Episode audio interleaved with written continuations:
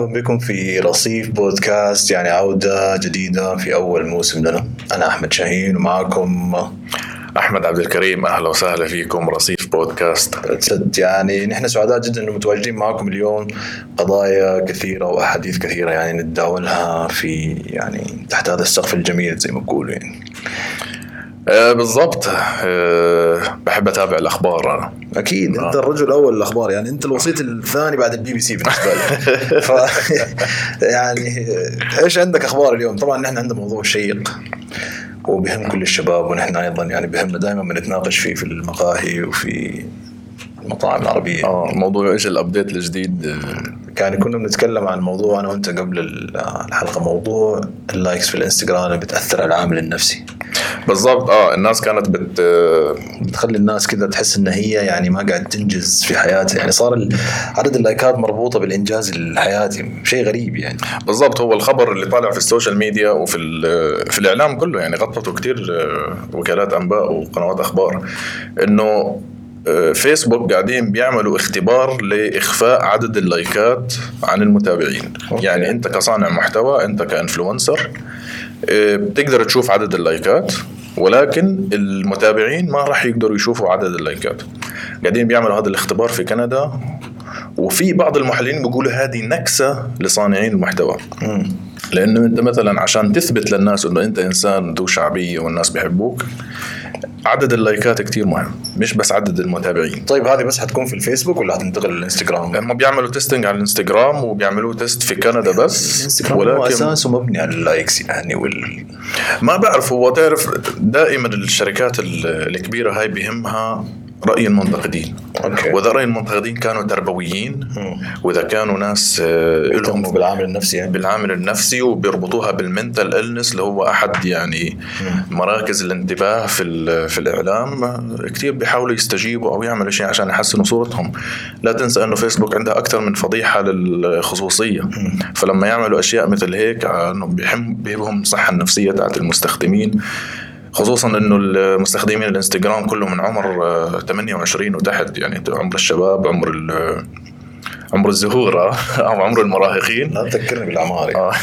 المشكلة الآن إنه يعني شوف على فكرة لو ننظر لفكرة الإنستغرام أو ال social media هي خلقت نوع من الوظائف الجديدة بالنسبة للشباب. يعني فقدوا الإيمان في يعني الوظيفة العادية. في ال system. آه، في ال system. في النظام العام. في النظام الإنساني كامل. يعني فصار ال social media هي وسيلة إنهم ينقلوا محتوى وغير المحتوى ينقلوا أفكارهم ومنه يرجع لهم عوائد مادية منها. فيعني أنا وأنا وأنت يعني حتى على فترات سابقة يعني في البودكاست قابلنا شخصيات كثيرة كانت أصلا يعني بتستفيد ماديا من الانست يعني من الإنستغرام من ال... آه، بالضبط. أنا كنت بقرأ مقالة لأحد المحللين في في ال social media marketing. بقول تخيل ما في ولا رسالة دكتوراه عن ال influencer marketing. أوكي. ومع إنه أصغر بليونير في العالم. كايلي جينر هي صنعت مليار دولار من وراء ال influencer marketing. على فكرة يعني أنا دائما كنت بشوف بس مع ناس بينتقدوها هي يعني ك influencer إنه يعني ما بتمتاز بالذكاء يعني. بالعكس هذه ظاهرة إنسانية. يا آه بجد يعني هي ظاهرة إنسانية. يعني الأموال اللي طلعت من وراء ال makeup industry وال fashion industry يعني خرافية منهم يعني. influencer marketing. بس كمان influence هي صنعت الأموال كلها عن طريق الإنستغرام والتويتر. ك influencer يعني هي طلعت كل هاي المنتجات وصل حق ال post تبع كايلي جينر لمليون دولار. تخيل انت تشتري post تعمل لك فيه دعاية لمليون دولار. يعني انت هي لو سوت ألف post كل واحد بمليون دولار هي مليار. طيب يعني هذا الحين الاهتمامات بالنسبة للأمور اللي زي هاي هل تعتقد إنه هي مأثرة يعني مأثرة حقا على يعني نفسيات الناس؟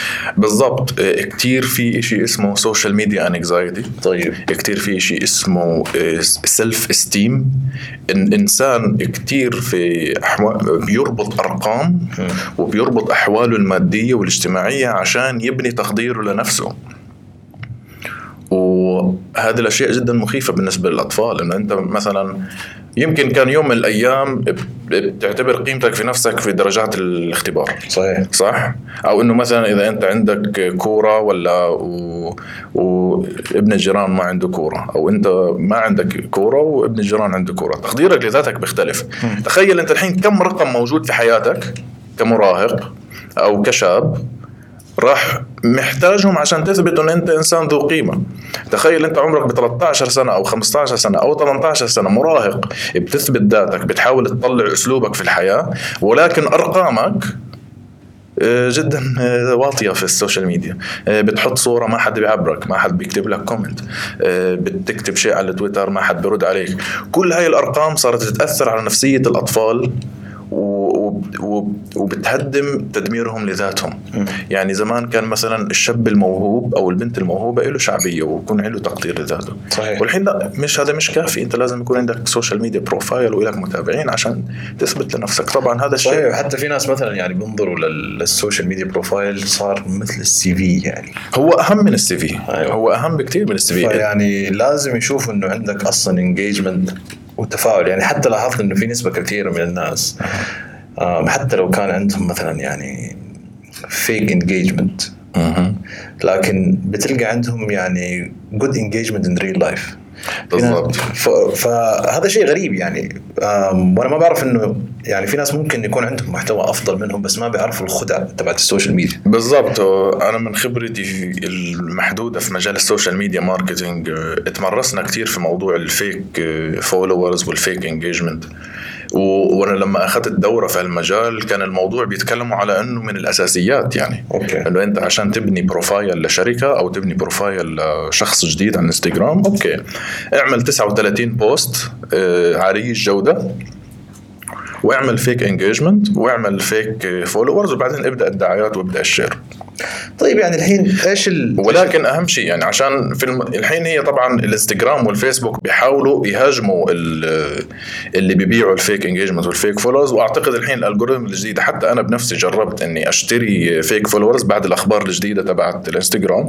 جربت أشتري fake followers وأعمل fake engagement على طول أجاني إنذار من الإنستغرام إنه أنت استخدمت هذه خاصيات آه، مش موجودة ولغوا لي ال followers ولغوا لي كل ال engagement فصار في عندهم algorithm إنهم يحاولوا يضبطوا هذه يعني التصرفات أو اللي بسموها ال bot behavior ويلغوها أه، ولكن أه، يعني ما بعرف هذه قالوا لك إنه هذه multi million dollar industry ما أعتقد إنها تموت بهال يعني أعتقد راح يكتشفوا طريقة جديدة. طيب يعني نفس هذه الأمور الناس ممكن لازم يعني تتعمق فيها لأنه في النهاية في شباب كثير ما بيعرف عن هذه الأمور ممكن تأثر يعني حتى على كمية إنتاجهم للمحتوى. نفس ما قلنا عنه في البداية في ناس ما عندها يعني دراية إنه حتى عالم ال social media فيه خدع وفيه ممارسات يعني دسيسة من وراء الستار يعني. إيش ف... رايك إيش رأيك أحكي لك كل الخدع الحين في البودكاست عشان الإنسان اللي بيسمع يفهم كل خدع ال social media اللي اللي تعتبر fake engagement و fake followers أعطينا يعني. أعطيك عشان أنت في خدع كثير ما حتعرفها. okay جديده عليك. في أول شيء ال fake followers آه؟ bot بيجي بس بيعمل لك follow على أساس يزيد لك عدد ال followers طيب. okay؟ في bot ممكن يجي يعمل لك like وما يعمل لك view سواء view على ال story أو view على الفيديو العادي. طيب. في أنت ممكن إنك تزيد التفاعل عندك من غير ما أنت تعرف آه، من غير ما أنت تستخدم. بتعطي للروبوت أو ال bot ال password تاعك بيصير هو يتفاعل مع الناس عشان تقايض هالشيء بتفاعل. يعني مثلا أنت ما عندك وقت إنك تعمل follow لكل هالناس وتعمل لهم like ات وتكتب لهم comment ات آه؟ okay. أنت ممكن تسلم profile ك لروبوت يقعد يعمل follow للناس ويقعد يعمل لهم like ات و comment ات عشان يقول والله آه شاهين كتير بيحبنا وبيتابعنا فأنا لازم كل ما يعمل شاهين post آه، أنا راح أعمل له like وراح أعمل له. فهذا بيسموه زي ما تقول stimulating organic engagement. يعني تحفيز التفاعل الطبيعي. ممكن بهالطريقة كمان إنه يكون آه، عندك تفاعل عالي جدا. أنت تخيل واحد عمل لك follow ولاي و like ين و comment حتقول مين هالإنسان هذا؟ والله لا عمل له follow. طيب هذا مشابه لفكرة الدجاج الإلكتروني يعني similar يعني ولا إيش نظامهم يعني؟ لا الدجاج الإلكتروني هي طبعا تستخدم نفس ال engine okay. ولكن لأهداف ثانية آه يعني أنت هدفك الأول من الإنستغرام bot إنك تزيد شعبيتك صحيح. فالإنستغرام bot بيصير يقول لك أعطيني hint أنت إيش نوع الناس اللي بدك أعمل لهم follow و engagement وإيش الناس اللي أنت بتحب إنهم يتابعوك. فهو لك okay أنت الحين مذيع وأنت صانع محتوى بودكاست وأنت بتحب ال fashion وبتتكلم شوية عن الكتاب وال والفنانين والمؤرخين راح يصير يبحث لك عن متابعين لهم هذه الرغبات أو هذه الاهتمامات. حيصير يعمل لهم follow يعمل لهم like عشان واحد يقول oh wow مين هذا اللي عمل لي follow وعمل لي like okay راح أدخل على profile ه oh هذا جدا موهوب جدا آه، هذه مصيبة. وصار يتفاعلوا معك فطب الناس كيف ممكن توعي نفسها؟ هل ممكن في طريقة نكشفها آه. مثلا إذا الواحد عاوز يعرف؟ okay آه، في أشياء ممكن أنت تكشفها وفي أشياء بتكون يقع على عاتقها على على المنصة نفسها okay. على الإنستغرام والفيسبوك يعني مثلا أنا إنسان بسيط فتحت على okay. social media influencer. كيف أتأكد إنه هذا الإنسان عنده يعني تفاعل حقيقي وتفاعل مزيف؟ كيف أقدر اكشف؟ آه، في أدوات على الإنترنت سواء كانت مجانية أو بفلوس آه، بتقدر تحلل وبتعطيك تقدير آه، عنده قديش real followers و fake followers أحكي آه، أملي لك أكثر وأحكي لك كيف ممكن تكتشف ال fake follower وال real follower فنكشف وهم ال social media آه.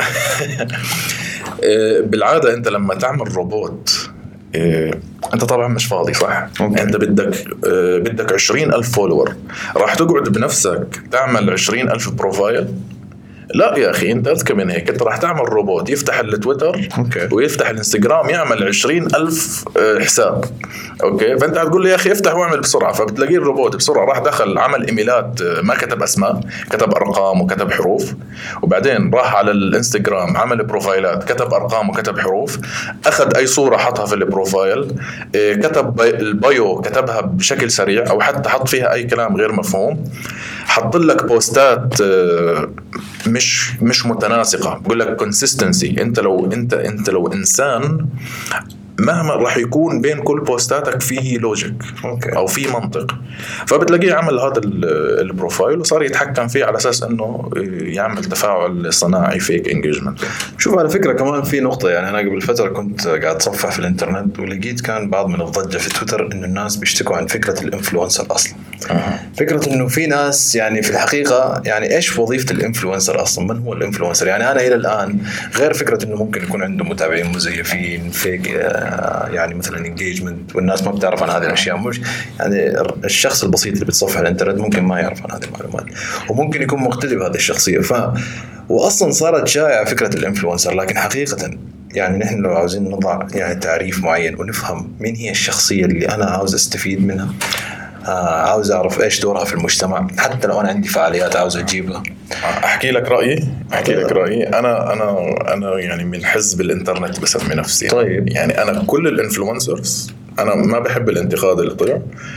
لأي influencer ولا أي صانع محتوى. إيش هو ال influencer أصلا؟ يا أخي ال influencer إنسان آه، يعني أنا ممكن اطبطب كوره على الإنترنت وأصورها ويكون عندي 10 k هل أنا أعتبره influencer يعني. حأثر على قضية اجتماعية؟ لا مش حأثر قضية اجتماعية حأثر على مبيعات لأحذية رياضية. أوكي أنا أعتبر مؤثر كذا بالضبط. آه لأنه أنت إنسان موهوب أنت إنسان شكلك حلو آه، مش مرتبطة بالمفهوم الاجتماعي. مش مرتبطة بمفهوم اجتماعي ولكن أنت مثلا كل ال influencers اللي بتراقبهم في حياتك إلا ما يأثروا فيك. ممكن أوكي. واحد يخليك تسافر. أوكي. ممكن واحد يخليك تغني ممكن واحد يخليك تشتري ملابس معينة ممكن واحد يخليك تحب تشتري من ماركة معينة أفضل.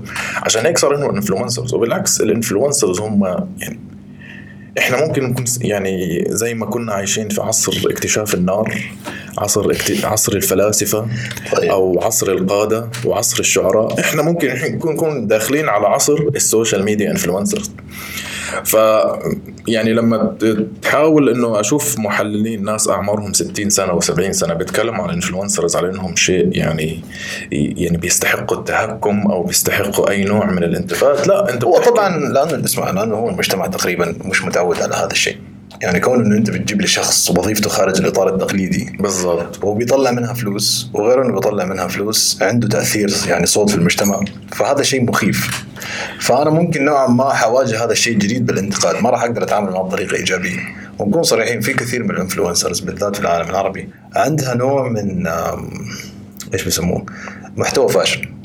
يعني اشتهروا بتقريبا بالنكات السخيفة بالمواقف السخيفة بال- بالمحتوى السخيف. وفي يعني لهم دور كبير في المجتمع من ناحية عدد المتابعين. بالعكس. لا مش بالعكس. هذا أنا يعني أنا كشخص إنت بدك كل انسان طيب انت إحنا كنا زمان نطلع على التلفزيون ونحكي هذه ليش طالعة على التلفزيون وليش؟ إذا أنت الإنسان هذا ما له مكان في السينما. ما له مكان في التلفزيون. حتى أنت راح تضيق عليه في الإنترنت. ما راح أضيق عليه في الإنترنت لكن طيب. أنا يعني بنظر لنوعية المحتوى اللي أنت بتحطه. يعني في محتويات الحلو زمان في الت- في التلفزيون إنه كان في نوع من الرقابة اللي تقدر تمنع المحتوى السيء. رغم طيب، في فشل كبير من هذه الناحية أوكي. لأنه نص العالم العربي لسه طلع محتويات عنصرية محتويات فاشلة جدا محتويات منحطة اخلاقيا. ما ما نكذب على بعض يعني من. بداية ظهور التلفزيون في العالم العربي يعني. في العالم كله. كمل خلينا. نركز في العالم رصيف بودكاست زبات العالم العربي. أنا ما بيهمني إيش بيحصل في أمريكا بيهمني بيحصل في ال 22 دولة. هذه فالكلام هذا الحين أنا بالنسبة لي لما أفتح البود الإنترنت بشوف واحد مثلا بيعمل مقالب يا أخي مقالب سخيفة جدا. وكثير منهم ناس تضرروا معنويا من هالمقالب. آه، بالضبط.